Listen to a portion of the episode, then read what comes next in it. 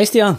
Hei, Jørn Olav. Hei, du. Jeg Ja? har et spørsmål til deg i dag. Ja, kom igjen. Er du en kulturmann? Oi, det var et godt spørsmål. Ehm, jeg, jeg tror aldri jeg har satt den merkelappen på meg selv.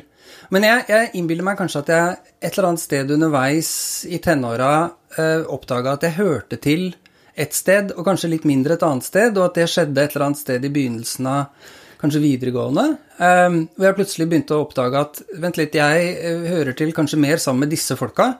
Og disse folka er opptatt av de samme tinga som meg. De er opptatt av, av musikk. Det er kanskje var det aller viktigste da. Eh, men også at vi leser bøker, og vi snakker om bøker, og vi er kjempeopptatt av å, å se film og, Ja, ja, ja. og diskutere film. Vi var til og med villige til å gå på teater en gang iblant. Eh, og så oppdaget vi samtidig at det gjorde noe med forholdet til en del av de andre folka rundt oss, som kanskje syntes dette var noe av det rareste i verden. Ja. Og da vi å lage revy, til og med, etter hvert, så Mm. ble det jo helt vilt. Og du kommer jo fra by. Ja, ish. Sånn Ja, småby. sånn utkantstrøk av by. Ja. Fordi at Frida Nilsson, som du har intervjua til denne episoden, ja. hun kommer fra ei lita bygd. Bitte liten. Ja, men så forteller hun, for det, grunnen til jeg spurte deg, var jo det at jeg syns det var så fint det hun sier i den episoden som vi nå straks skal snurre i gang, Ja. eh, hvordan hun liksom oppdaga når hun flytta til by, at eh, når hun var sånn 14 år, var det vel, ja, noe sånt. at eh, oi, jeg er jo en del av disse kulturjentene. Ja. Det er jo det jeg er. Ja. Ja. Så det ble sånn identitetsmarkør for Det synes jeg er litt fint, for det er sjelden jeg hører noen liksom omfavne den merkelappen Ja, så til de grader. Og, og, og hvor hun ja, det er så mye i den fortellinga som jeg syns er så fint. Også disse, disse livslange vennskapene som vokser ut av det. Ja, ja, ja. ja. Og så har hun en spesiell pall, tror jeg vi kan si. Ja, det må vi kunne si. Det er ikke blodfersk litteratur vi snakker om. Nei, for her i Forfatterfavoritten så er det jo alltid tre bøker som da blir no nominert til Ikke en pall. sant? Og hennes er ifra rundt nesten århundreskiftet 1800-1900. Ja, det er ingenting etter 1940. Det er et par eh, relativt rett før, og så er det én faktisk eh, på 1800-tallet. um, og det, det, så det er en, en, en Det er vi ikke så vant til. Det har hendt, men, men sjelden så gjennomført som pallen til Frida. Ja, absolutt. Og dette er arbeiderlitteratur. To av dem er det. To av de, ja. Eh, Andre- og tredjeplassen er det. Og det bruker vi ikke noe tid på i episoden på å snakke om hva er arbeiderlitteratur. Skal vi si noe særlig om det nå, kanskje? Det ligger jo litt i navnet, da. Ja. Kanskje arbeider det er, jo, det er jo et veldig sånn klassedelt samfunn dette her skjedde. Mm. Der, der litteraturen og den fin, finkulturen liksom var noe som, som eh, eh, overklassen eide og forvalta. Ja. Eh, og så vokste jo fram sammen med, med realistisk eh, kunst og realistisk litteratur og, og demokratibevegelser og alt sammen som skjedde rundt i den tida, og en egen arbeiderlitteratur. ja.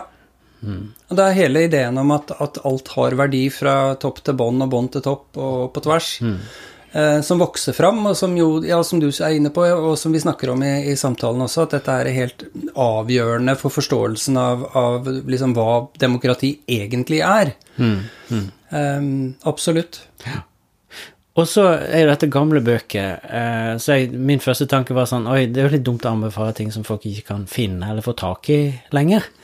Eh, Det første jeg vil si, er bare akkurat når det gjelder andre- og tredjeplassen, de to bøkene vi nettopp snakket om, så, så, så er de tilgjengelige. De fins. Um, og om ikke man finner det noe annet sted, så gå på Nasjonalbiblioteket på nettet eh, og søk, rett og slett. Eh, I eh, notatene til episoden så finner dere nøyaktige stavinger av titler og forfatternavn og sånne ting. Men jeg tenkte kanskje jeg skulle nevne spesielt eh, den forfatteren hun har på førsteplass. Um, og der, der er det egentlig flere ting jeg vil si. og det, For det første så er det det at, at eh, den kan være litt krevende å få tak i. Jeg syns vi kan si navnet. Ja, skal vi gjøre det? Ja. Det er en engelskspråklig forfatter som heter Charlotte Perkins Gilman, um, som rundt 1890 eh, skrev en novelle som heter Den gule tapeten. Den gule tapeten. The Yellow Wallpaper. Um, og som, som Frida har på førsteplass. Jeg digger den historien hennes om da hun satt i sofaen og leste den ved siden av faren sin. Ja, det håper jeg dere Ja, eh, får høre. får med dere. Men eh, den er ikke bare bare å få tak i. Men vi har heldigvis kjempegode biblioteker her i landet. Ja. Sånn at hvis man går til biblioteket sitt, og Mm. så sier man til de flinke folka der at jeg vil veldig gjerne lese Den gule tapeten av Charlotte Perkins Gilman, så vil de kunne hjelpe deg. Ja. Og, du, og også med den så finner hun, som en del av en litt større samling av hennes tekster, ehm, i, på Nasjonalbiblioteket på nett. Der finner hun digitalt. Ja. Men så er det en ting til med den. Ja. Og det er jo, den er en novelle, og så er den utrolig spennende og tankevekkende og dritskummel. ja. Ehm, skikkelig sånn derre eh, slag i magen. Skal, denne må jeg lese. Ja, det er virkelig den historien, altså. Ehm, jeg har tenkt mange ganger underveis at den hadde passa utrolig bra for en lærer å bruke som et, ehm, no, Ja, et eller annet ja. å undervise med. Og jeg tror du kan ta, i hvert fall på videregående Jeg tror kanskje det er litt tidlig på ungdomsskolen, men jeg tror Med mindre du har en liten lesegruppe med ungdomsskoleelever som leser mye og er vant til dem, så tror jeg Men i hvert fall, hvis du er ute etter noveller som lærer Å, den historien der, altså. Det er, det er fort gjort. Det er ikke lange biten, men du og du, ass. Der er det mye å grave i.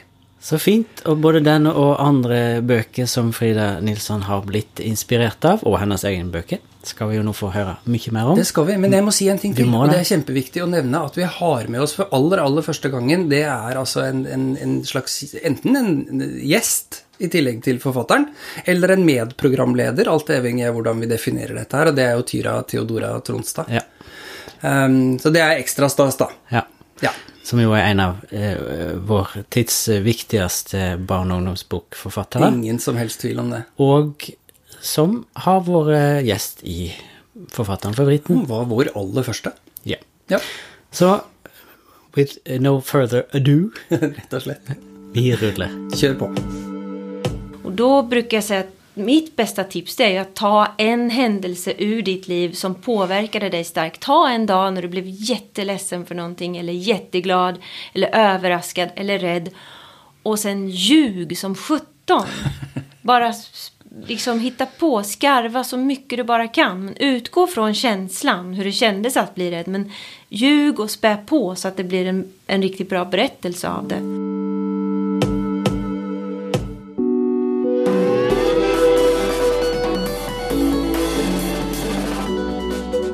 Velkommen til Forfatteren og favoritten, en månedlig podkast om litteratur for unge voksne.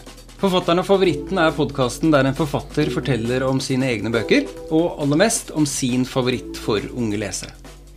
Dagens episode spilles inn på et soverom under eh, Norsk litteraturfestival på Lillehammer. Jeg heter Stian Omland, og i dag har jeg med en helt spesiell gjesteprogramleder, nemlig Tyra Theodora Tronstad som var vår aller første gjest i Forfatteren og favoritten. Velkommen, Tyra. Tusen takk, så hyggelig å være tilbake. Åh, det er veldig bra. Det er så gøy å ha deg med. Og vår hovedgjest i dag er selveste Frida Nilsson. Velkommen til deg, Frida. Tack så jättemycket. Vi har aldri hatt en eh, voksen forfatter som eh, gjesteprogramleder i Forfatteren favoritten. Det er aller første gangen. Um, og jeg syns det er en innmari fin loop. Nå har vi laga rundt regna 25 episoder, og så, og så henter vi inn nummer én. Den aller første. Det er veldig gøy. Og det, jeg tror kanskje på mange måter at den opplevelsen vi fikk med det intervjuet med deg første gangen, gjorde at vi tenkte at ja, dette kan vi gjøre. Dette funker. Ja, det var Dette var veldig fint. gøy å få lov til å være med. Og Ja, så følge podkasten eh, litt sånn gjennom utviklingen også har vært veldig morsomt. Så hyggelig. Men det er ikke tilfeldig at du er her i dag.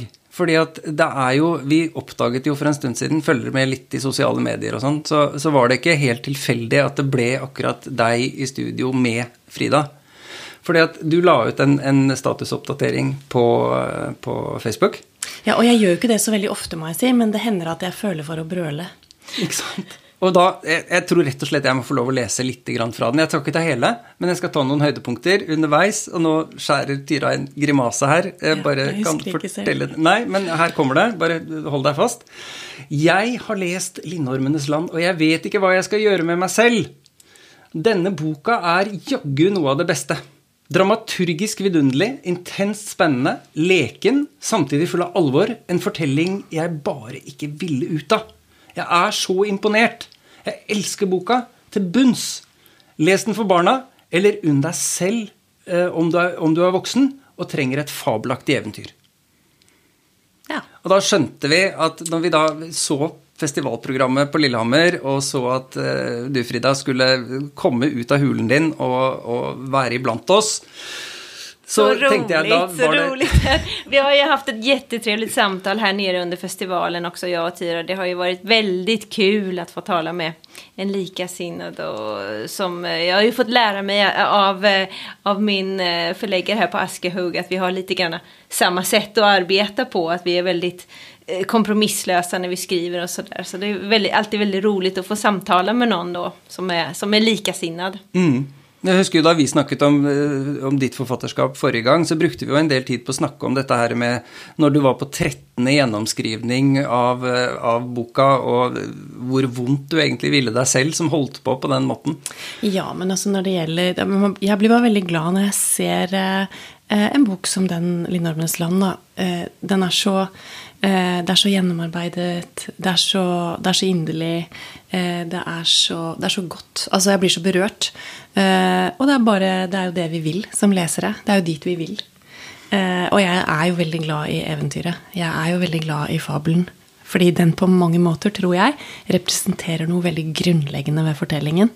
Så de sterkeste barnefortellingene er jo for meg egentlig helt universelle, og, og en sånn fortelling er dette. Mm, ikke sant? Og Vi skal tilbake til Lindormenes land om en stund, men jeg tenkte vi skulle bruke litt grann tid på å fortelle eh, Kanskje det er noen som ikke kjenner deg fra før, så vi skal bruke litt tid på å fortelle hvem du er og hvor du kommer fra. og Sånn. Kanskje du kan fortelle litt om hvor du er fra? Vi har jo allerede hørt at du er svensk. Ja. Men eh, hvor i Sverige er du fra? Omtrent når ble du født? Jag blev född 1979 i en mycket, mycket liten by eh, som heter Hardemo. Mitt i Sverige skulle man väl kunna säga att den här byn ligger. Mitt ute i ingenstans. Så jag växte ju upp utan syskon och, och i stort sett utan grannar och eh, med en mamma och en pappa och väldigt, väldigt, väldigt mycket djur och väldigt, väldigt, väldigt mycket böcker. Och eh, det här har ju säkert satt sina spår på ett eller annat sätt i, i det som jag arbetar med. Men eh, min barndom var väldigt fri och väldigt trygg och väldigt rolig. Och, och, och den gick ju ut väldigt mycket på att läsa böcker helt enkelt. Eftersom jag har en pappa som, eh, som eh, alltid har burit hem böcker till mig och, och gett dem till mig och sagt att det här måste du läsa. Hva leste du som barn? Ja, jag är ju s- uppvuxen i Sverige på, på 80-talet så att det är klart att det blev en hel del Astrid Lindgren. Och eh, hon har nog inspirerat mig mycket mer än vad jag har förstått tidigare. Alltså, jag hade ju andra inspirationskällor som jag var medveten om. Till exempel en svensk författare som heter Barbro Lindgren som också har skrivit eh, textböcker för barn. Var jag väldigt mycket inspirerad av. Roald Dahl, engelsk barnboksförfattare. Och, och jag trodde nog faktiskt inte, under mina första år som författare så trodde jag nog inte att jag var sådär väldigt inspirerad av, av Astrid Lindgren. Men när jag själv fick barn och började läsa för dem och det var dags att upptäcka Astrid Lindgrens böcker och återupptäcka dem. Då insåg jag att självklart var jag ju väldigt mycket inspirerad av henne. Och det, det går ju nästan inte att undvika det när man som sagt är uppvuxen eh, på 80-talet i, i Sverige. Nei, det er vel sånn det må bli. Det er vel ingen som skriver for barn og ungdom i Sverige som ikke har i hvert fall en følelse av skyggen.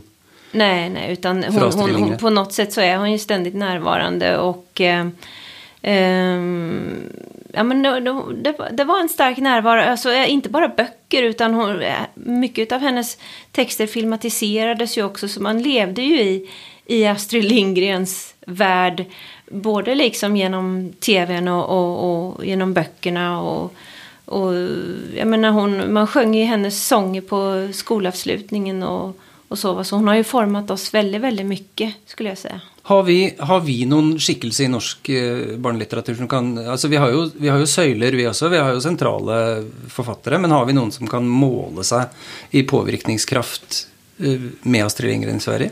Jeg tror kanskje det, det som kan måle seg kan hende, er Torbjørn Egner. Ja, ikke sant? tenker jeg, som har slått så inn, Ja. og også ved hjelp av filmatiseringer og den typen ting. Ja. Eh, men helt oppe der, med Astrid Lindgren, Nei, er jeg ikke ikke, sikker på. altså. Jeg tror Astrid Lindgren for veldig mange norske barn kunne vært norsk. Altså, det er det, det skandinaviske som slår inn her. Og hennes like, tror jeg. Nei, det fins bare én Astrid Lindgren. Och det är ju fantastiskt alltså att böcker som hon skrev på 40-talet och 50-talet kan jag läsa för mina barn idag utan att de behöver stoppa mig en enda gång och säga vad betyder det. Och det, det tror jag är unikt därför att språk är ju en, en färskvara. Mm. Och det, det, det går inte att komma ifrån att de flesta böcker skrivna för barn på 40 och 50-talet har ett mossigt tilltal och, och, och uttryck som, som inte barn kan relatera till idag. Men, men på något magiskt vis så, så det är som om det vore skrivet igår nästan. Vissa omskrivningar har ju behövts eh, på senare tid. Men, men i det stora hela flytet i språket är det är ett väldigt naturligt talspråk som hon mm. har lyckats sätta på pränt. Mm. Och det är nog en stor anledning till att, hon, att hennes texter lever så, så uh, än idag. Men vi ser det så innmari gott. Vi jobbar ju i bibliotek och den, vi ser det så gott hur Astrid Lindgren lever så till de grader fremdeles. Mens andre forfattere som har skrevet i samme periode, eh, er i ferd med å falme og forsvinne. Mm. Og mister relevansen sin. Mm. og, og mm så er hun tidløs og mm. akkurat like sterk. Og i og for seg Roald Dahl, som har litt av den samme posisjonen. Mm, mm. Litt av den samme saken. Eh, jeg tenkte vi bare skulle gjøre oss fort ferdig med denne faktaboksen vår. Ja, hvor vi går ja, gjennom, sånn at, mm. ikke sant, Hardemo og, og oppvekst 49, og sånne ja. ting. Ja, men så har du jo da et eller annet sted her så har du blitt voksen, eller nesten voksen. Ja. Du, fikk du noen jobber tidlig? Hva slags utdannelse tok du? När du arbeid, hva slags uh, Før du blev författare så har du säkert jobbat med något annat. Just det. Ja, men när jag, var, när jag var 14 år så separerade mina föräldrar och då lämnade vi ju landet och kom in till den stora staden som, ja. som jag tyckte att Örebro var då, som är en, en hyfsat stor svensk stad. Eh, och eh, där, det var ju där som jag fick vara tonåring. Jag var 14 tror jag när jag kom in till stan. Och, eh, och bodde där tills jag var 21-22 någonting. Eh, och då hade jag ju väldigt, väldigt, väldigt stora drömmar om att få bli skådespelare. Ja. Det var det jag ville. Det, det, det, insåg jag tidigt att jag ville. För att det var ganska, det var en ganska häftig upplevelse att lämna landet och att lämna eh, den där, det där lilla formatet. Eh, skolan som, eh, som inte hade så jättemånga elever och som, där det inte fanns så jättestor brokighet bland eleverna. Utan att man, man var på ett sätt och om man inte var på det sättet så var man, ja då var man liksom lite utanför. Att det var, det var Dr. Martens kängor och det, det var punk och det var ganska hårda bud, alltså epatraktor och, och, och det var hembränt och sådana saker. Men när jag flyttade in till den här lite större stan, då fick jag upptäcka att man kan vara på så många olika vis. Det fanns utrymme för att, för att vara eh, jag, jag stötte helt enkelt på tjejer där som inspirerade mig väldigt mycket och som än idag är mina närmsta vänner. De var liksom, de var kulturtjejer. De hade basker och kavaj och sjal slängd om halsen och de var bara 14-15 år. Och de gick och spelade teater en gång i veckan och de läste dikter och de ägnade sig åt fotografering. Och det här var ju en, det var ju nästan religiös upplevelse med att komma från den här lilla, den här småstadsmiljön där det inte fanns något alternativ till att komma in och se att jaha, man kan vara på många olika sätt. Jag skulle kunna bli som, som de här tjejerna. Så jag sökte mig till dem och, och, och, och vann deras förtroende ganska så snart för det var liksom underbart snälla, välkomnande tjejer och som, som sagt är, är mina kompisar än idag, flera av dem. Då. Så då, då växte den där viljan fram i mig att bli en kulturkvinna.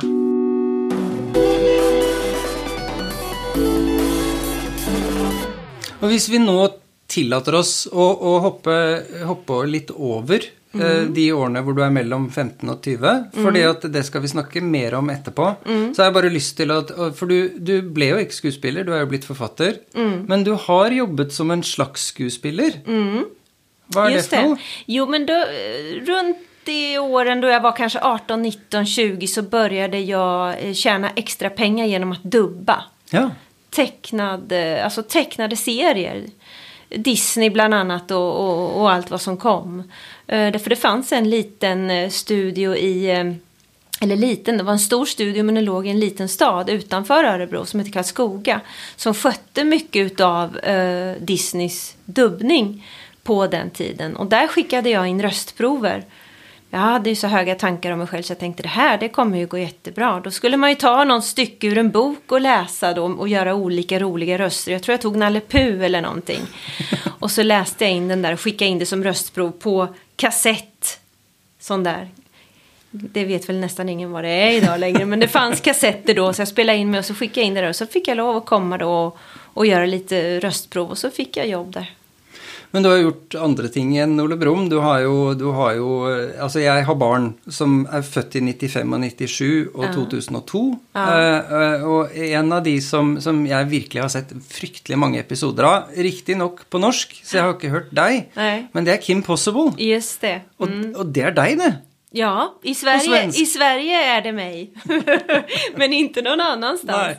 Och det är ju fantastiskt. Alltså, det var en väldigt kort tid i mitt liv då. Och jag gjorde det väl kanske mest för att jag behövde pengar. Men, men än idag alltså så kan det komma sms på telefonen ifrån eh, dubbningsfantaster. Eh, som har letat rätt på mitt telefonnummer då och skickar sms och frågar att nu här precis bara i, för några veckor sedan så har jag mejlat med en kille som är, som är mycket, mycket intresserad utav dubbning och som ska intervjua mig med anledning av att jag var Kim Possible en gång för, ja vad är det, 20-30 år sedan. Så det har satt djupa spår hos, hos många människor och inte så djupa hos mig vad jag kan känna än så länge. Så det, men dette med å, å, å øh, veksle mellom mange forskjellige stemmer, er det likevel kanskje en erfaring som er nyttig for en forfatter? Dette med å, å bytte mellom forskjellige stemmer, røster, når du Nej, det skulle jag, in, inte, jag skulle inte säga att dubbningsjobbet, att man har någon nytta av det när man skriver. Därför att dubbningen handlar ju bara om att härma. Ja. Det handlar ju inte om någon inte om kreativitet överhuvudtaget utan bara härma och vara så lik originalet som möjligt. Man fick ju pröva för varje karaktär och sen skulle proverna skickas till Disney som skulle godkänna. varje röst skulle godkännas då. Ja. Man skulle låta så lik som möjligt. Ja. Eh, Så det skulle jag inte säga att det finns någon... eh, Det finns egentligen inte så mycket kreativitet i det Nej. arbetet tycker jag. Man fick ganska mycket huvudvärk för väldigt mycket gick ut på att skrika. Om det var såna här anime-serier alltså, ja. så här japanska där de spelar kort och, eller har såna här snurror, eh, ja vad heter de allihopa, Yu-Gi-Oh! och Bakugan och allt sånt där. Då Mm. gick det ju väldigt mycket ut på att tokvråla i varenda scen.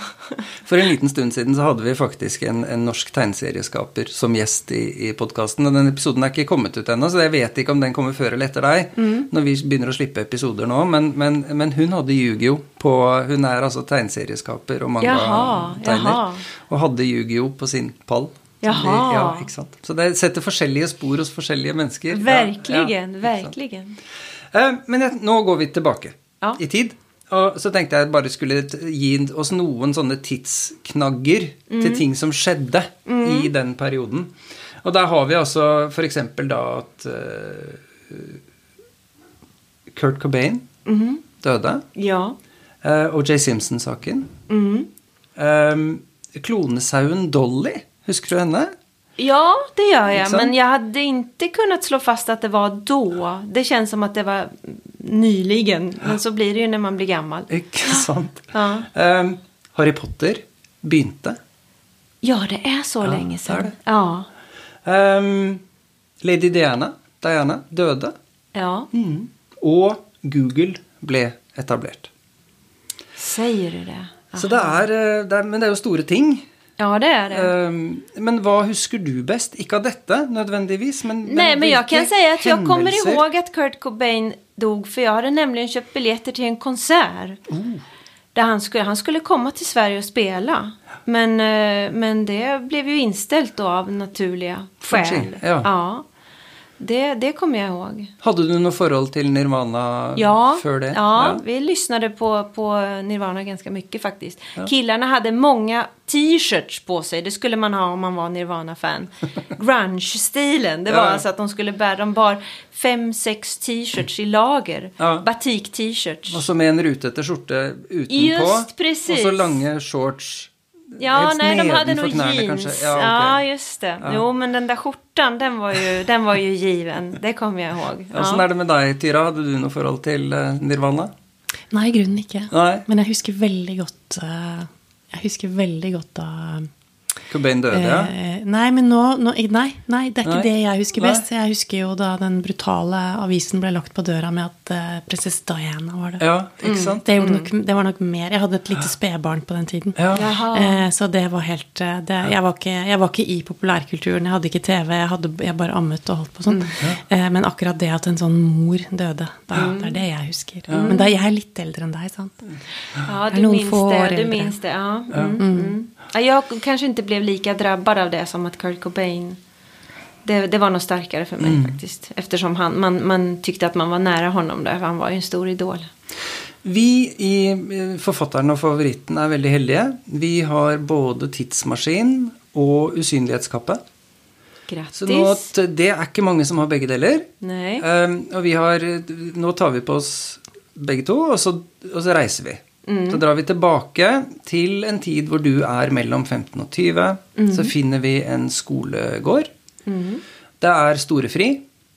Og så finner vi deg. Hva får vi se? Då får vi nog se att jag står med mina tjejer där. Eh, då är jag ju nära vän med eh, Rebecca och Toko. Og du har så basker. Ja, jag Ja. har, eller om jag har slutat med basken och kanske nu hoppas på att jag ska få några slags dreads. Om jag, om jag slutar borsta mig, om jag är riktigt, riktigt duktig med att låta bli att borsta mig så kanske jag får dreads. Men jag har i alla fall ett väldigt, väldigt tovigt hår. Eh, och jag har nog Dr. Martens kängor. En lång röd eh, sammetskjol. Luvtröja. Och, eh, och så någon eh, väska, lite batik eller eh, indiska mönster på och sådär. Och vi finns på den här skolgården och vi är ganska nöjda med oss själva. Jag minns det som att vi tyckte att vi var tre coola tjejer och, eh, och att det fanns väldigt många elever på skolan som var långt ifrån lika coola och roliga som vi. Och vi längtade ju mycket till helgen. Vi längtade efter att få eh, sticka ut på bus, träffa killar. Det kan hända att vi gick utanför skolgården och tjuvrökte. Oh. Ja, det gjorde vi. Det är jag inte stolt över idag, ska jag Men det säga. gjorde alle de Det kanske all, alla, ja, det ja, ja, vi hade ju den ambitionen att vara väldigt, väldigt, väldigt coola. Så att det, det var, då var vi ju tvungna att göra det. Eh, och så är vi faktiskt gan, vi är ganska skötsamma i skolan. Men, men inte alla ämnen, alltså vissa ämnen är viktigare än andra om man frågar oss. Vi läser mycket språk, historia, vi läser latin eh, och så vill vi ju hemskt gärna eh, ägna oss åt det konstnärliga. Eh, speciellt jag och Rebecca vill ju väldigt gärna bli skådespelare. Så vi ägnar oss mycket åt det på fritiden och sådär. Selektivt skoleflinke. Ja, alltså vi, vi, eh, vi satte väl heder i att, att eh, få bra betyg, även om vi kanske tyckte att idrott var ett andra klassens skolämne som man egentligen inte borde ha bra betyg i. Men det kanske var för att vi inte var så särskilt bra på idrott som vi skyllde ifrån oss på det viset. Hvis du hadde kunnet ta av deg nå usynlighetskappen, og så kan du gå bort til deg selv, og så Ja. du prikke deg selv på skulderen, og så kan du si hei. Hej, sluta tjuvröka. sluta, sluta upp. Du är inte så cool som du tror. Nej, det ska jag inte säga. Det är klart att det, det, är klart att det finns tvivel också i den som är tonåring. Eh, Men eh, just de där eh, första åren på gymnasiet när man, hit, när man hade hittat sin, sin klick. När man hade hittat tjejer som, som man eh, tyckte att man var lik. Det var ju en st- väldigt stark glädje i det. En- Att känna den där samhörigheten. Så jag tyckte nog att det var ganska lätt och roligt att vara 15. Men runt 19, 20 så började det bli mycket svårare tycker jag. Då, då kom mycket mer tvivel. Ja, då kanske man inte kände sig så cool längre. Utan då, då undrar man nog ganska mycket vad man skulle ta sig till här i världen. Hadde du fortsatt skuespillerdrømmen da? Ja, men det hade jag nog. Men då hade jag väl börjat inse att det var ganska svårt att komma in på scenskolan. Men jag, jag höll nog det här skådespelandet vid liv ganska länge. Och hade drömmar om att starta en egen trupp. En egen barnteatertrupp. För jag var tidigt intresserad av kultur för barn och så. Och det där höll vi på med ganska mycket, jag och kompisar. Men, men någonstans på vägen så kom skrivandet och tog över. Hur skedde det? Det skedde på så vis att jag faktiskt fick chans att, från att ha varit drivande själv med den här uh, truppen som vi ville starta, där vi, där vi gjorde allting. Vi skrev, vi regisserade, vi sydde kläderna, vi ordnade scenografin, vi bestämde allting. Från det så fick jag faktiskt erbjudande om att arbeta professionellt som skådespelare på en teater i stan. De hade väl sett vad vi gjorde och de kanske tyckte vi var duktiga och så kanske de tyckte att vi utgjorde onödig konkurrens. Så då, då, då, anställde de mig som skådespelare och det var ju fantastiskt tyckte jag. Ja, äntligen, min dröm går i uppfyllelse, jag ska få arbeta som skådespelare. Men då insåg jag att, att det var inte det jag ville därför att helt plötsligt skulle jag göra det på det sättet som det ska göras, nämligen man ska lyssna på en regissör som bestämmer allting. Ja. Som talar om för mig hur replikerna ska sägas, vart jag ska gå, var jag ska stå, hur jag ska le, hur jag ska gråta. Och jag tyckte han hade fel hela tiden. Jag ville ju regissera själv.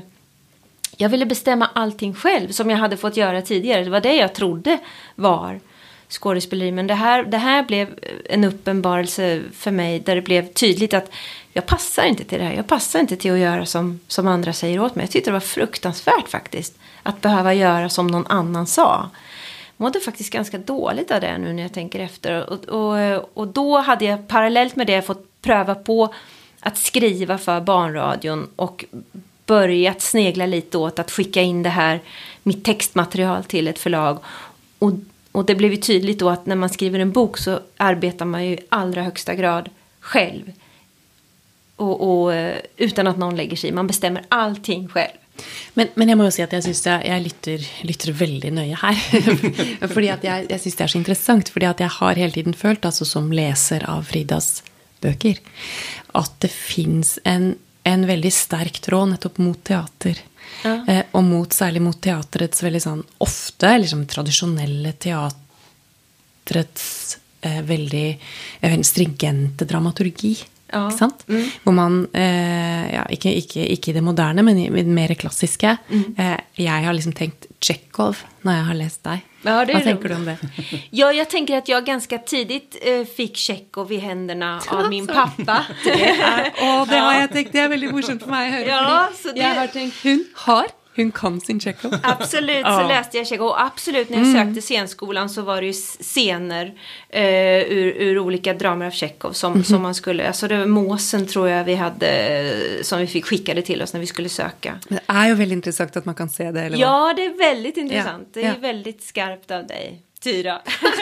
Du, säger, du lär mig saker som jag inte ens själv visste om. Ja, det var och då tänker ju jag plötsligt på denna här saken som, som är känt som Tjechovs uh, gevär eller Tjechovs pistol, pistol mm, mm, ja. som, som handlar om detta med att om du visar fram ett eller annat centralt uh, tidigt i stycket, mm, uh, om det är ett redskap eller en person eller en egenskap eller ett eller annat, så må du bruka det igen ja, senare. Yxan på väggen säger vi. Ja. ja. Men det, det gör hon ju helt klockrent. Hon gör det, det hela tiden. Det, det, det slog mig tänkt på før nå, men, ja, men det gjør jo du hele tiden. Ja, hun gjør det hele tiden. Ja. Ja. Gör jag? Ja. Bra, Tyra. Jag måste hem och läsa mina böcker. Ja. Anton Tsjekhov, folkens. Det er, det er, bare å gå tilbake eller oppsøke et teater i nærheten, for det spilles hele tida. Så det går an å få Just se det på scenen. Ja, det det, ja. Altså, man kan se dette prinsippet anvendt absolutt overalt, overalt. hele tiden. Ja, men det er veldig sjelden man ser det i så stringent bruk som ja, det er veldig, veldig, Så det er gøy ja, mm. rent gjort. Ja, rätt och slätt. Vad roligt att ja. du säger det. Det var jätteroligt. Nej, men det där var ju också någonting när jag började skriva för radio. Då hade jag ju en mentor. Då hade jag ju två mentorer, alltså producenter. Producenterna som, som skulle leverera de här eh, programmen till Sveriges Radio. De, och, och, som anställde mig och som gav mig ett försök att skriva. De, de ville ju också lära mig väldigt mycket om dramatiskt berättande. Och då, jag kommer ihåg att de tidigt sa det att eh, du, du ska, varje ord ska driva handlingen framåt. Sa de. Och det har jag säkert också. Jag menar, då gjorde jag ju som de sa. Jag var ju alldeles ny. Jag gjorde, ja, ja okej. Då gör jag som ni säger. Och så gjorde jag det. Och det har ju säkert hängt i mycket sedan dess. Även om jag själv tycker nu att jag är mer självständig och, och, och får lov att gå min egen väg så, så hänger det ju säkert i. Att man ska driva berättelsen framåt då, med, med vart ord. Men det, det första uppdraget när du fick. det blev ju till en bok.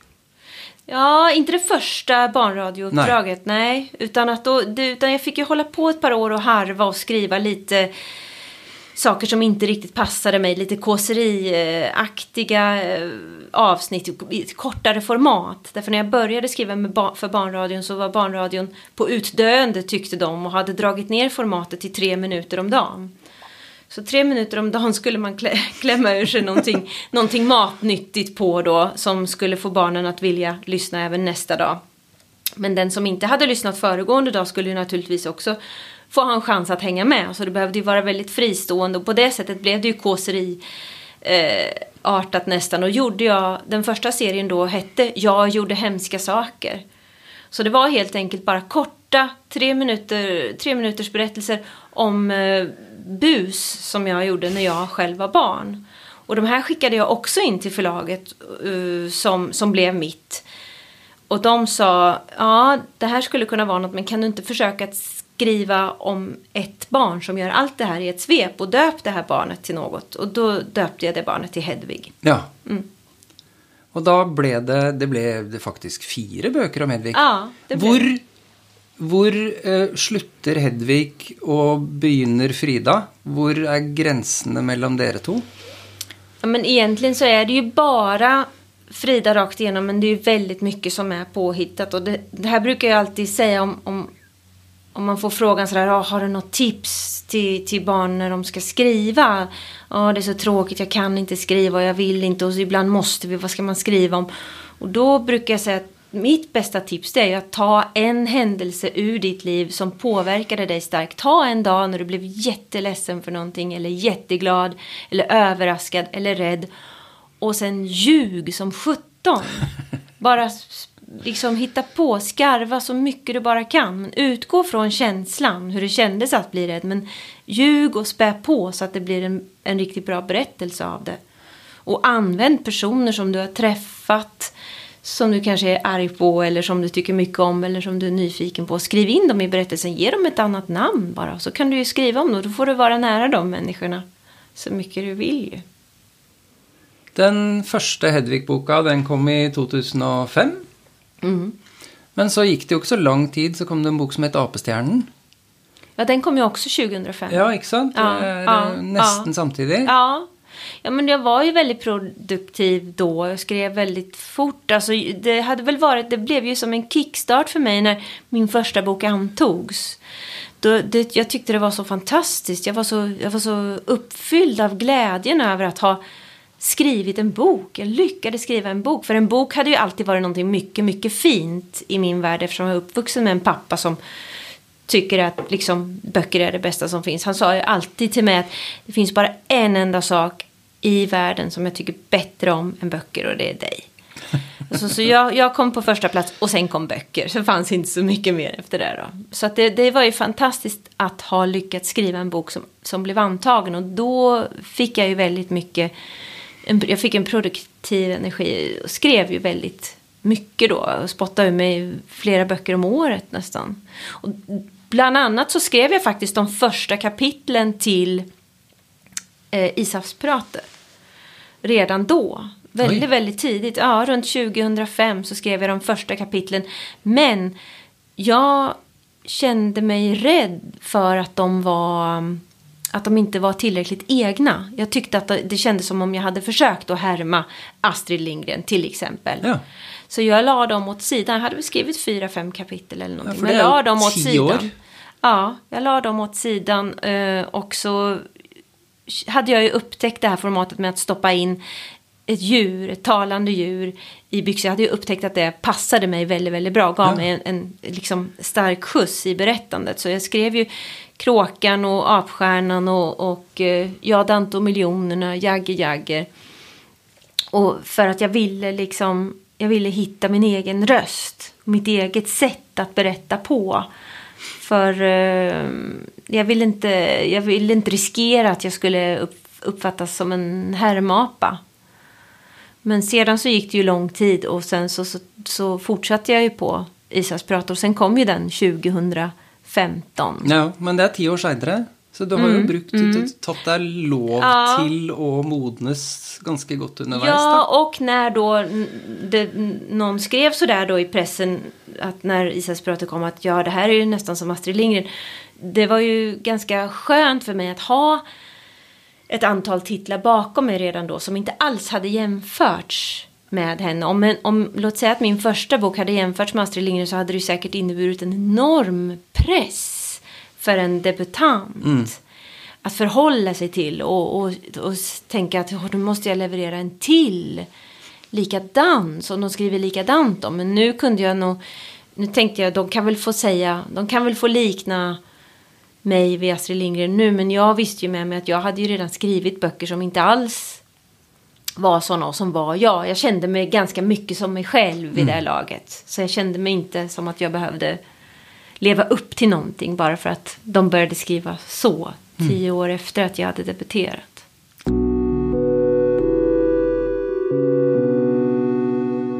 Kan inte vi bruka lite mer tid på Apestjernen? Den är ju förresten filmatiserad, eh, Ja, relativt ja. nylig. Ja. Likte, likte du filmen? Ja, jätte, jättemycket. Ja, jättemycket. Och jag tycker så mycket om det. Linda Hambeck heter ju eh, eh, producenten som har gjort den. Och hon är som jag, hon är en ganska envis person. och jag har ju hållit ganska hårt i de här rättigheterna. Jag var inte den lättaste författaren att få till att skriva på det här avtalet. Jag tror att hon nog kanske tyckte att jag var ganska jobbig där ett tag när jag sa ja och sen sa jag nej och sen sa jag ja och så ångrade jag mig och höll på. Men, men hon gav sig inte. Hon är som jag. Hon var envis för hon visste vad hon ville och så till slut så blev det av. Kan inte du fortälla lite om historien i Apestjernen? Vad, vad slags bok är det? Avstjärnan handlar ju om eh, en flicka som heter Jonna som bor på barnhem. Det är ju ganska många berättelser som börjar så. Att ett barn bor på barnhem. Inte minst har ju Astrid Lindgren skrivit eh, om Rasmus på luffen till exempel. Och, eh, och hon längtar efter att bli adopterad av en fin och vacker parfymdoftande mamma och en pappa med blanka skor och, och dyr bil och, och tjock plånbok. Men det som händer när boken börjar det är att det kommer en gorilla till barnhemmet och väljer ut henne. En faktisk gorilla. En riktig gorilla, precis. En stor och klumpig hårig gorilla i mjuka pantalonger och, och leriga kängor och med jätterisig gammal Volvo. Hon tar med sig flickan hem till sig. Hon bor på en skrot, ett skrotupplag. En skicklig skraphandel, rätt och slett. Ja, Eh, och till en början så är ju Jonna förfärad över det här och vill absolut inte bo med denna varelse. Men efter ett tag så, så börjar hon ju inse att eh, det finns ganska stort hjärta i gorillan och de är ganska lika varandra. Och gorillan är i själva verket en, en väldigt, väldigt bra mamma. De hör ganska fint ihop. Eh, Men då naturligtvis så, så, kommer, så dyker ju nya problem upp därför att då kommer Tord på kommunen som vill lägga vantarna på, på gorillans mark för att anlägga bad, badanläggning där, alltså en stor uh, swimmingpool, som badhus. rätt och Akvaland, slett. ja, Ja, något sånt där. Eh, och eh, för att hota gorillan till att släppa ifrån sig marken eh, så, så tar han eh, Jonna ifrån henne då. Eh, och den här berättelsen är ju, eh, som, som, som så många av mina böcker så handlar den i själva verket om relationen mellan mig och min pappa. Ja. För att eh, min pappa har alltid... Eh, han har alltid varit en smula annorlunda. Jag har alltid sett på honom som en person som står utanför på ett eller annat sätt. Och det här är ju någonting när man är liten, sju, åtta år, som man kanske inte är så glad i. När man är så liten så önskar man att ens pappa ska se ut som alla andra pappor och bete sig som alla andra pappor. Ha moderna kläder och, och, och rätt frisyr och, och fina skor och, och en bil som inte är rostig och bil av rätta märket och, och ett vanligt jobb. Men jag hade ingen sån pappa utan han, han körde sin gamla skruttiga Land Rover och han gick i stora skinnjackor och, och han, han gick sin egen väg helt enkelt. Uh, och det, jag kunde följa med honom in till stan på olika ärenden, följa med honom till antikvariatet och jag kunde gå fem meter bakom och, och, och försöka se ut som om vi inte hörde ihop. För jag tyckte att han, nej, han såg inte ut som han skulle. Men sakta men säkert och i och med att man mognar själv då så, så börjar man ju förstås få en annan syn på det hela. Och vid det läget som jag var tonåring så var han ju min stora, stora hjälte och stora, stora idol också. I livet. Det er jo helt fantastisk, for det er jo veldig ofte omvendt at når du kommer til tenåringa, så, tenåra, Ja. så skal du være i opposisjon til absolutt alt, og spesielt foreldrene Då ska dine. man göra revolt, ja, Ja. precis. Ja, nej, det, det gjorde inte jag. Utan eh, då, då blev han verkligen den där... Så han, då hamnade han på en piedestal för mig. Alltså, då sett upp till honom väldigt, väldigt mycket. För han har ju lärt mig så mycket av värden som jag fortfarande har. Eh, Och kärleken till böcker bland annat och, och så va. Och han, eh, han lärde mig ju tidigt att läsa och skriva och, och att älska litteraturen. Du nevnte at, eh, at eh, det er ikke den eneste boka hvor Nej, faren han, din nej, han är er ju med. ständigt närvarande. I Hedvig-böckerna är han ju naturligtvis Hedvigs pappa. Och där är han ju inte så, så, så eh, annorlunda mot sitt, eh, mot sitt riktiga jag. Eh, men även i Ishavspirater eh, Eh, så finns ju en pappa som kallas för Lilla Pinnen. Och då är det ju en pappa som har blivit gammal och som inte orkar vara den där stora starka far som ordnar med försörjningen utan som, som har blivit lite bruten, lite grå, lite trött och som måste stanna hemma när dottern far ut i världen och ordnar med saker. Eh, så, så den kom ju till när jag, när jag hade nått vuxen ålder. Då. Men så er det jo en, eh, en veldig rørende del av eh, Til innormenes land også. Hvor disse barna som har blitt så brutalt utnyttet av to, to forskjellige, ganske nokså ondskapsfulle eh, fostermødre, finner en pappa. Ja, och, och även eh, en mamma där också visar Det finns ju en sig. mamma, ja. det visar sig att, det- att där finns ju eh, föräldrar och mm, ja, där, där finns ju en stark eh, mm, pappa med också. Som eh, en, vän, en vänlig pappa och en pappa som ser Sem. Det är det han har längtat efter så mycket. Att bli Kan vi sedd. ikke snakke litt om, om Lindormenes land? Mm. Litt, fortelle litt mer om hva den handler om? Den handlar ju då om, om eh, de här pojkarna eh, Samuel och Mortimer. Det utspelar sig någon gång, låt säga 1850, kanske i Sverige. Ett fattigt Sverige.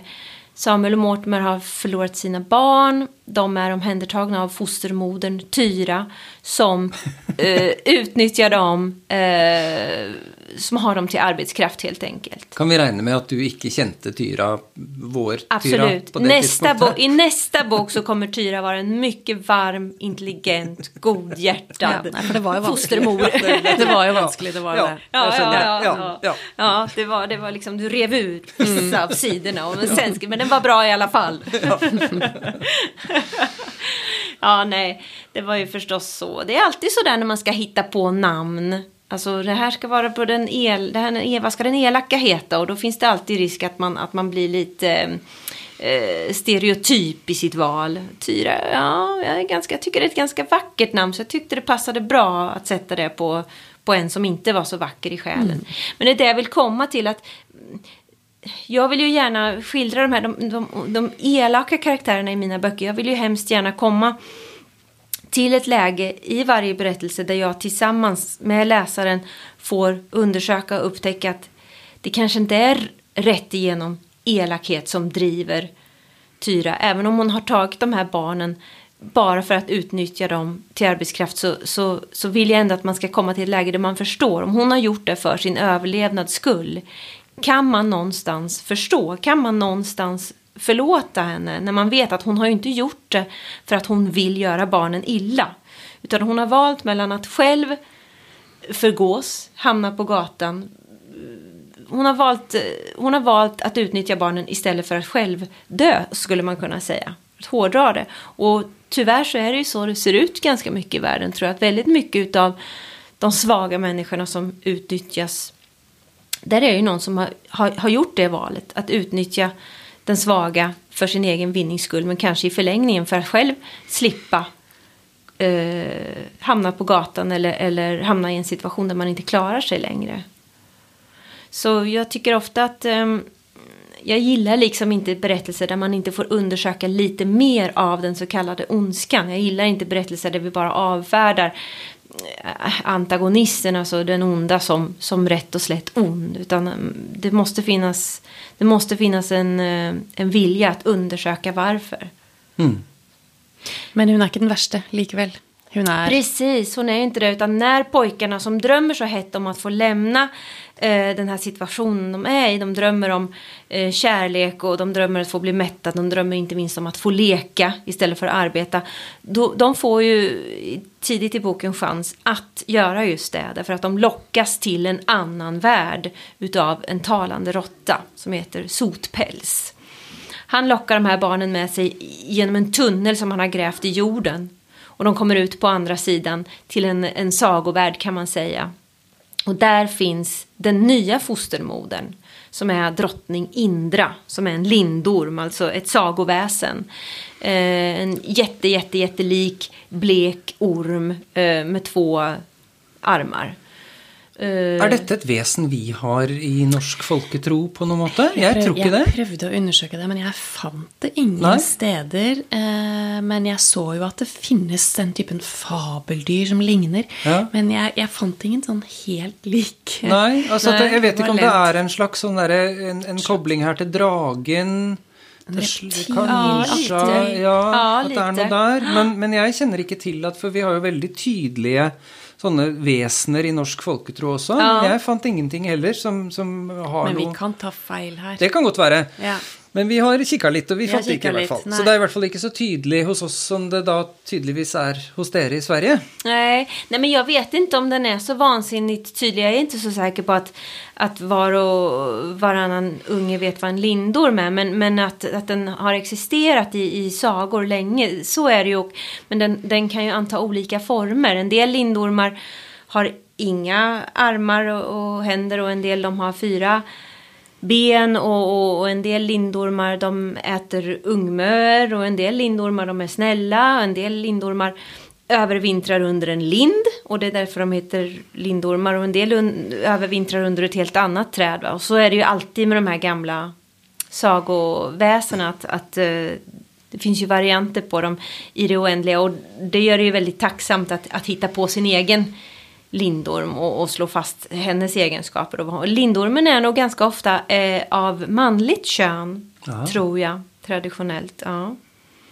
Vi eh, må passe oss litt, for nå skal vi ikke Vi hørte jo din anbefaling av denne boka i begynnelsen, og vi har vi allerede spoila litt av, av Ja. denne historien. Så jeg tror kanskje bare vi skal la den ligge, og så skal vi bare være veldig tydelige på at hvis ikke du har lest den allerede, så skjerp deg. Her er det, er det mat. Dette er Ja, det er En virkelig en stor- fantastisk stor og fin opplevelse. Ja, det er virkelig en fenomenal leseopplevelse. Og jeg vil jo si det at, at det er jo en ting som du har påpekt i andre sammenhenger, Tyra. Dette her med, med Fridas vilje til å gå inn i mørket. Og, og virkelig liksom stå i det og oppleve det og kjenne på det og utsette seg for det. Og så håpe at det fins et lys i andre enden. Den historien der sånn hvor langt du er villig til å gå inn i mørket. Selv om du vet at du henvender deg til barn. Det syns jeg er en, en strålende opplevelse. Og det gjør jo også dine bøker til store leseopplevelser for voksne. Altså det ikke sant, Én ting er nå at det kan være fantastiske høytlesningsopplevelser hvor man opplever det sammen med barna. Men jeg har jo lest dem som voksen for meg sjæl, og jeg syns det er kjempegøy. Altså, Ja, det, er, ja, men det är det roligt. er kjempegod fantasy, Ja, og vad slett. roligt. Vad roligt. Ja. Ja. men jag tänker ju jättemycket på att böckerna ska kunna vara till glädje både för vuxenläsaren och för, barn, för barnet. För att det, det är så mycket... Många, många av mina texter blir lästa högt. Mm. Och då är det alltid roligare att läsa högt om man, om man kan få ut någonting av det. Och gärna... Det är ju nästan som att... Ibland brukar jag likna det vid att köra liksom två skottkärror jämte varann framåt på samma gång. Det är ganska svårt för det är liksom, i den ena ska du lägga allt det som barnet kan ta till sig och i den andra skottkärran ska du lägga allting som kan tilltala den vuxna. Trillebårer på norsk, tenker jeg. Ja, ja. precis. Och, och det är lite trixigt att köra de där två parallellt framåt i 300-400 sidor. Är ganska mycket arbete med det men, men eh, det är väldigt roligt om, om man lyckas med det. Ja, ikke sant? Og hvis du gjør det, så tenker jeg at det er jo, det er jo da det oppstår noe som at en fortelling blir et fellesskap. Mm, mm. Eh, og jeg tenker at det er få ting som er bedre Ja, ikke sant? Altså, det er forskjell på den boka som de voksne holder ut fordi Ja. de vet de må lese for barna, Ja, og den ja. fortellingen hvor de voksne er akkurat like ivrige. Nei, skal vi ta et kapittel til, dere? Ja, for nå er vi, ja. ikke sant? Og, det- jeg, jeg, Ja, det är de upplevelserna Ja. man, man värderar så högt själv. Ja. Att, att få dem, det, det är ju någonting Exakt. väldigt starkt. Men nå skal vi over på noe helt annet. Nå skal vi snakke om din pall. Ja, Ja! For nå, eh, Vi har jo spurt deg på forhånd Mm. om du har lyst til å fortelle oss tre bøker som var viktige for deg da du Mm. var mellom 15 og 20. ja. Og, og vi begynner jo med tredjeplassen. Mm. Ehm, og der har du Moa Martinsson. Mor gifter sig. Ja, Ja. hva er det for en bok? Eh, det är ju en, en bok... Eh, eh, Moa Martinsson, hon, ja, hon eh, är ju en representant för arbetarlitteraturen i Sverige och hon skrev den ju ur ett kvinnligt perspektiv. Men, men framförallt, hon skrev det ju ur en flickas perspektiv. För det är ju hennes barndomsskildring helt enkelt. Hur det var att växa upp eh, som barn till en ensamstående arbetarkvinna eh, på den här tiden i Sverige. Eh, väldigt tuffa förhållanden förstås eh, att klara sig i. Och jag har ju alltid haft, jag har alltid varit svag för barndomar. Eh, så att den drabbade mig väldigt eh, hårt. Eh, att få läsa om det här barnet och barnets ehm, eh, livsvillkor. Eh, när de skiljer sig så mycket ifrån det barn som jag var och mina livsvillkor fastän att det egentligen är en ganska kort tid däremellan. Det är någonting som, som drabbade mig väldigt hårt. Och sedan så Moa Martinsson levde ihop med Harry Martinsson eh, under en tid i sitt liv och han har ju också skrivit en fantastisk barndomsskildring men den läste jag inte då som tonåring men eh, han har ju skrivit eh, Nässlorna blomma som är som idag för mig är ännu starkare men då var det eh, Moa Martinsson som var hon gav mig den absolut starkaste barndomsskildringen. Og det handler jo veldig Ja, unnskyld. Kom igjen. Nei, kjør på. fordi vi skulle hit. Og Ja. fordi jeg fikk disse bøkene tilsendt eh, på mail på forhånd, altså hvilke bøker Frida Ja. ville ta opp, så leste jeg også denne. Ja. Jeg fant ut at den kom som bokklubbok i Norge i 1980. Oi. Så den havnet jo også i norske bokhyller. Den er jo er- skrevet i 1947. Ja, nei, jeg tror faktisk den første utgaven kommer i 36. Å, sier du er det? Gammel. Ja. Akkurat. Såpass. Ja? Eh, men, men jeg fikk eh, jeg, For meg var det ukjent, eh, Frida. Eh, og det er jeg glad for at det ikke er lenger. Eh, for det er jo så inderlig godt og lett på en måte Hva skal jeg si? Den virker så ny. Den er så frisk. Den virker slett ikke så gammel. Eh, og det er jo nettopp dette barneperspektivet som jeg godt kan forstå, altså på en måte er veldig i slekt med din, med din litteratur i dag, så det syns jeg var veldig interessant. Det er det fortellende barnet som forteller om de voksne rundt og analyserer en virkelighet eh, gjennom ikke sant, sitt blikk. Eh, jeg syns det var, eh, det var et, et, godt tips for meg, eh, og en Selvfølgelig. Eh, arbeiderlitteraturen er jo veldig, veldig stor og rik. Eh, men for meg var det også ukjent, og jeg er veldig glad for at jeg fikk sjansen til å bli kjent med det. En nydelig bok. Og dette er jo en periode som domineres på mange måter av disse her tradisjonelle guttebøkene. Ja. Man har liksom disse her store historiene om gutter hit og gutter dit og sånn. Dette Ja, må vel ha vært en- arbetarlitteraturen har ju, Ja. det var ju nästan bara eh, gubbar förstås. Eh, och, så att det, det, det, det var väl unikt kanske att, att, eh, att få läsa hennes eh, skildring där bland alla eh, gubbar. Och det var ju inte så lätt alltid för, eh, för den där typen av författare. De kunde ju bli ganska så hårt eh, nedhyvlade i, i pressen och så. Va? Men, men det är ju litteratur som lever än idag utan tvekan. Och som är, som, precis som Tyra säger, som, som, är, som känns så ny och, så, och, så, och som kan ge så mycket än idag. Og det er godt gjort at en så gammel bok kan virke så ny. Ja. Og hvis man skal tenke i norske forhold, så går det veldig i retning av Torborg Nedreås, Ja. føler jeg. Har veldig slektskap med henne. Ja. Mm.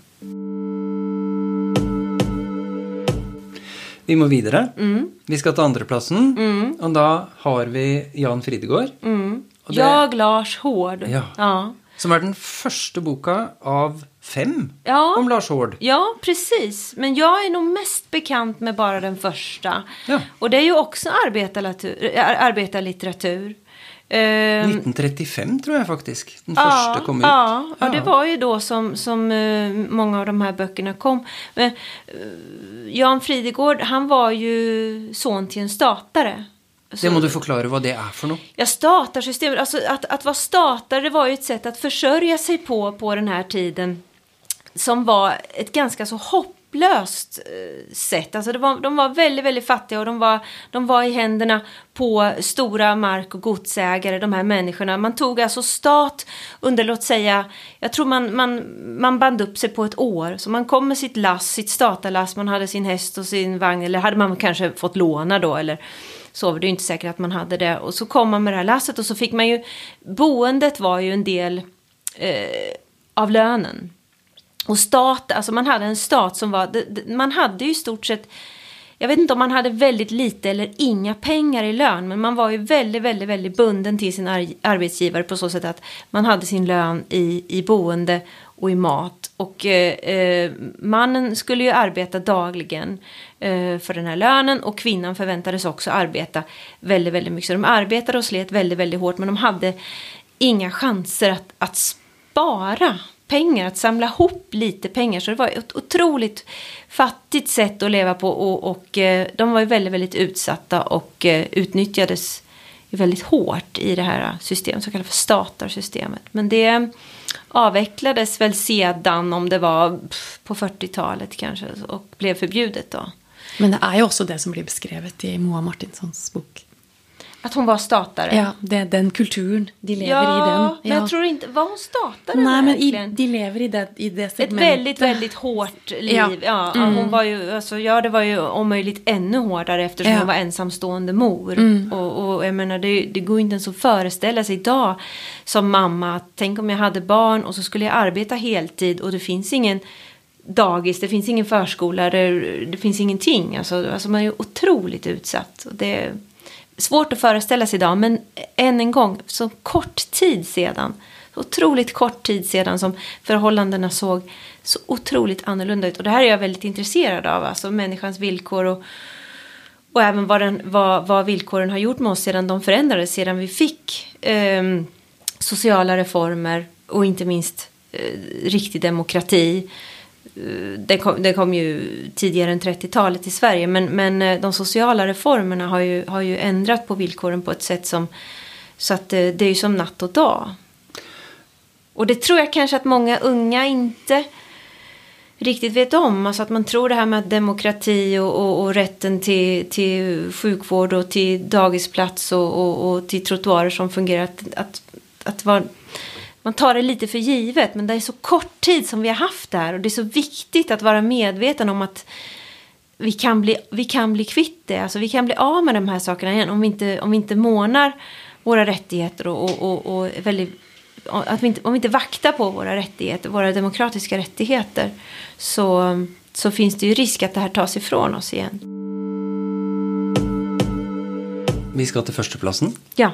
Mm, mm, mm. Där har du något helt annat. Ja. Ja. Charlotte Perkins Gilman, The Yellow Wallpaper. Ja, Den gula tapeten. Ja.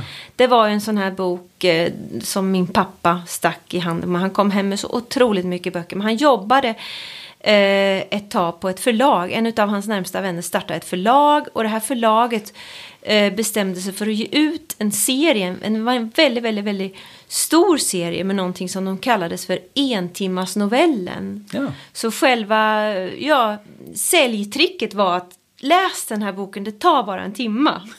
Och det tyckte jag var väldigt roligt, ja, roligt när jag tänker en, på det. Detta är en novell. Ja, det är en novell. Eh, och och eh, då, då gav de ut bland annat den här då, Den gula tapeten av Charlotte Perkins Gilman. Och det är så otroligt länge sedan jag läste den. Jag har inte läst om den sedan dess. Kanske av rädsla för att jag inte ska få samma nästan religiösa upplevelse. För det var, det, var, det var i stort sett religiöst att ha läst den där när jag var runt eh, 14-15 kanske. Eh, jag tyckte att den var... Jag var så begeistrad över, över slutet på den här novellen att jag var alldeles tagen. Jag var mållös. Och pappa satt bredvid mig i fåtöljen medan jag satt i soffan och läste. Och, och, och efteråt så, ja vad tyckte du? Och jag kunde inte ens tala för jag tyckte den var så bra. Och efter en lång, lång, lång stund sa jag bara äh, jag tyckte den här var jättebra. Ja, jag ser det, jag märker det, sa han. Det kommer jag ihåg så tydligt. Hva er det, det gule tapetet? Hva er dette for noe? Ja, så som jag minns det så handlar ju det här om en kvinna som, som tillbringar dagarna och nätterna i ett sovrum. För att hon är sjuk på något vis, men vi vet inte riktigt Det varför hon är sjuk. sannsynligvis en, en depresjon etter fødsel. Er, jeg Ja, oppfatter det det som en så det. fødselsdepresjon. Ja. Just det.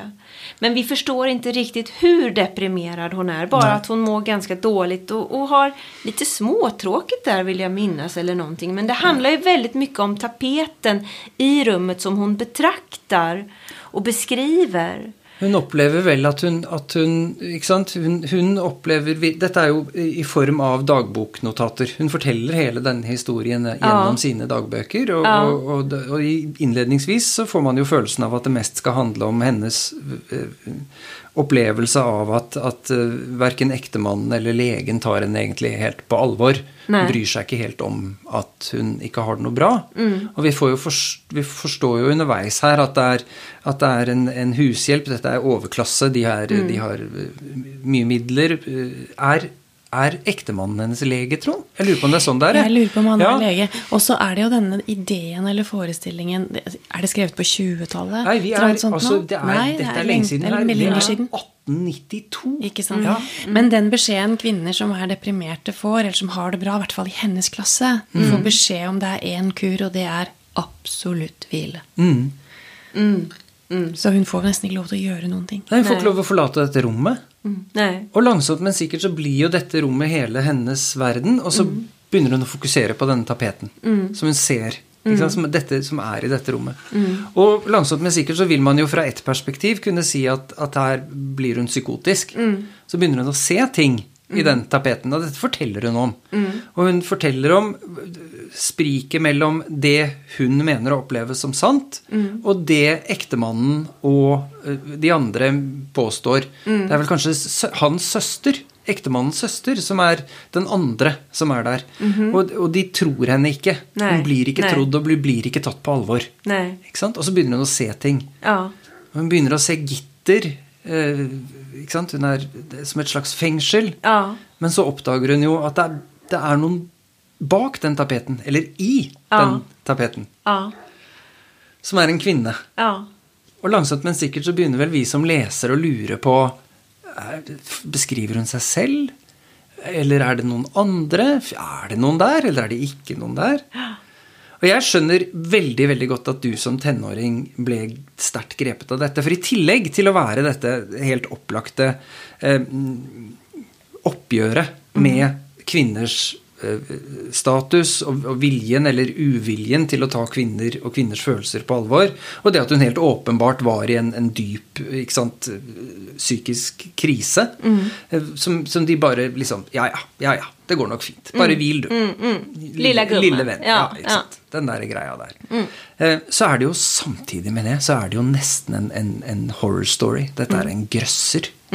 Det blir jo fryktelig spennende og skummelt etter hvert. Og Jeg tror ikke vi skal spoile hvordan det går, men du og du så spennende der. Men tenk så fantastisk at liksom din pappa kom hjem og stakk til deg alle disse tingene. Du Ja. kunne jo ikke vite, ikke sant. Det er eh, at du da mange år senere skulle liksom Minnas den. Ja. ja och, och, och jag, jag tycker ändå att han har varit så fin på det sättet att han har haft en sån hög tro på vad jag klarar av. För att jag var kanske egentligen inte helt mogen. Jag kanske inte riktigt kunde tolka den helt och fullt som, som du kan idag Stian. Men, men jag minns ju att jag blev väldigt tagen på slutet när jag insåg att, åh herregud, jag har ju läst den på ett helt annat... Alltså jag, jag, jag blev duperad, alltså jag, jag blev nästan lurad av berättelsen och fick en stor aha-upplevelse på slutet. Och, Så att, så att den, den, den gav ju mig någonting väldigt starkt. Och, och men, det där var ju pappa i ett nötskal, att han liksom hade ganska höga tankar om mig.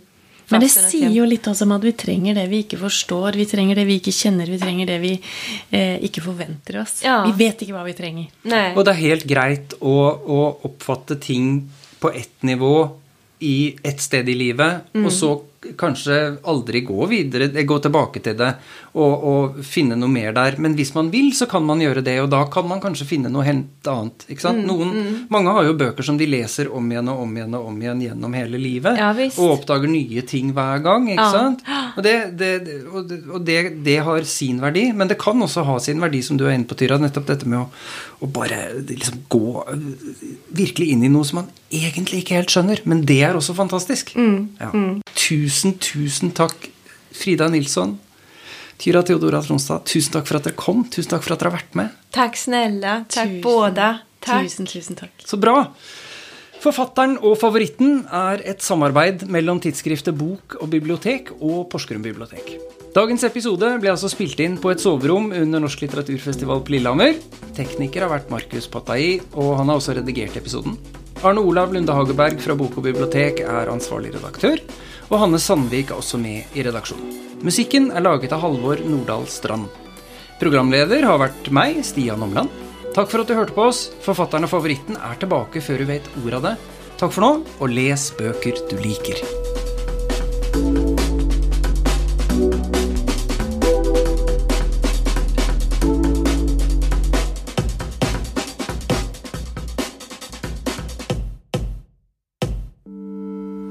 Det ble jo en skikkelig fin samtale.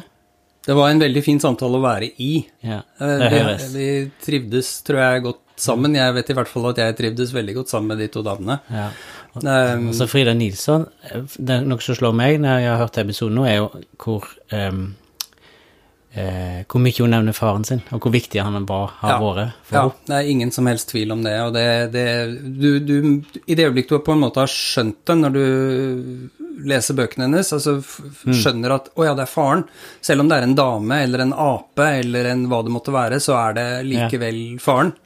Så ser du hvor viktig det har vært. Og jeg syns det er helt fenomenalt å høre henne fortelle disse her tingene som handler om i hennes tilfelle da faren som, som så til de grader stoler på henne som et sansende, tenkende menneske som Han kan gi nesten hva som helst av litteratur som han tror på, og så kan han stole på at hun i hvert fall vil gjøre et forsøk, og sjansen er stor for at hun skal greie å, å få noe ut av det.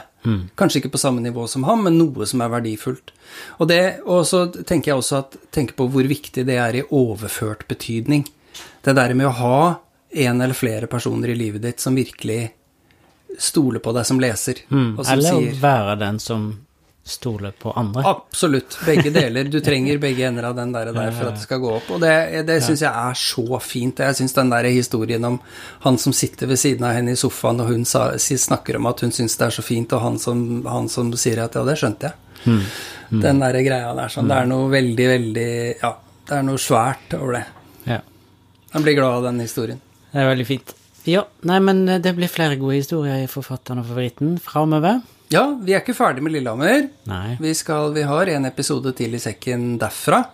Men vi har gjort andre ting òg. Ja. Så det blir, eh, det blir bare, å følge med videre framover. Og, og som alltid så vil vi veldig gjerne at dere liker oss og deler oss. Og, og Det som jeg tror flere kan kanskje ha kommet i tanke om når de hører denne episoden her, er jo at dette òg er en Lærere tror jeg er en veldig god målgruppe for oss. Ja, jeg tror det tror mange jeg. lærere vil kunne finne mye, mye godt og, og relevant innhold.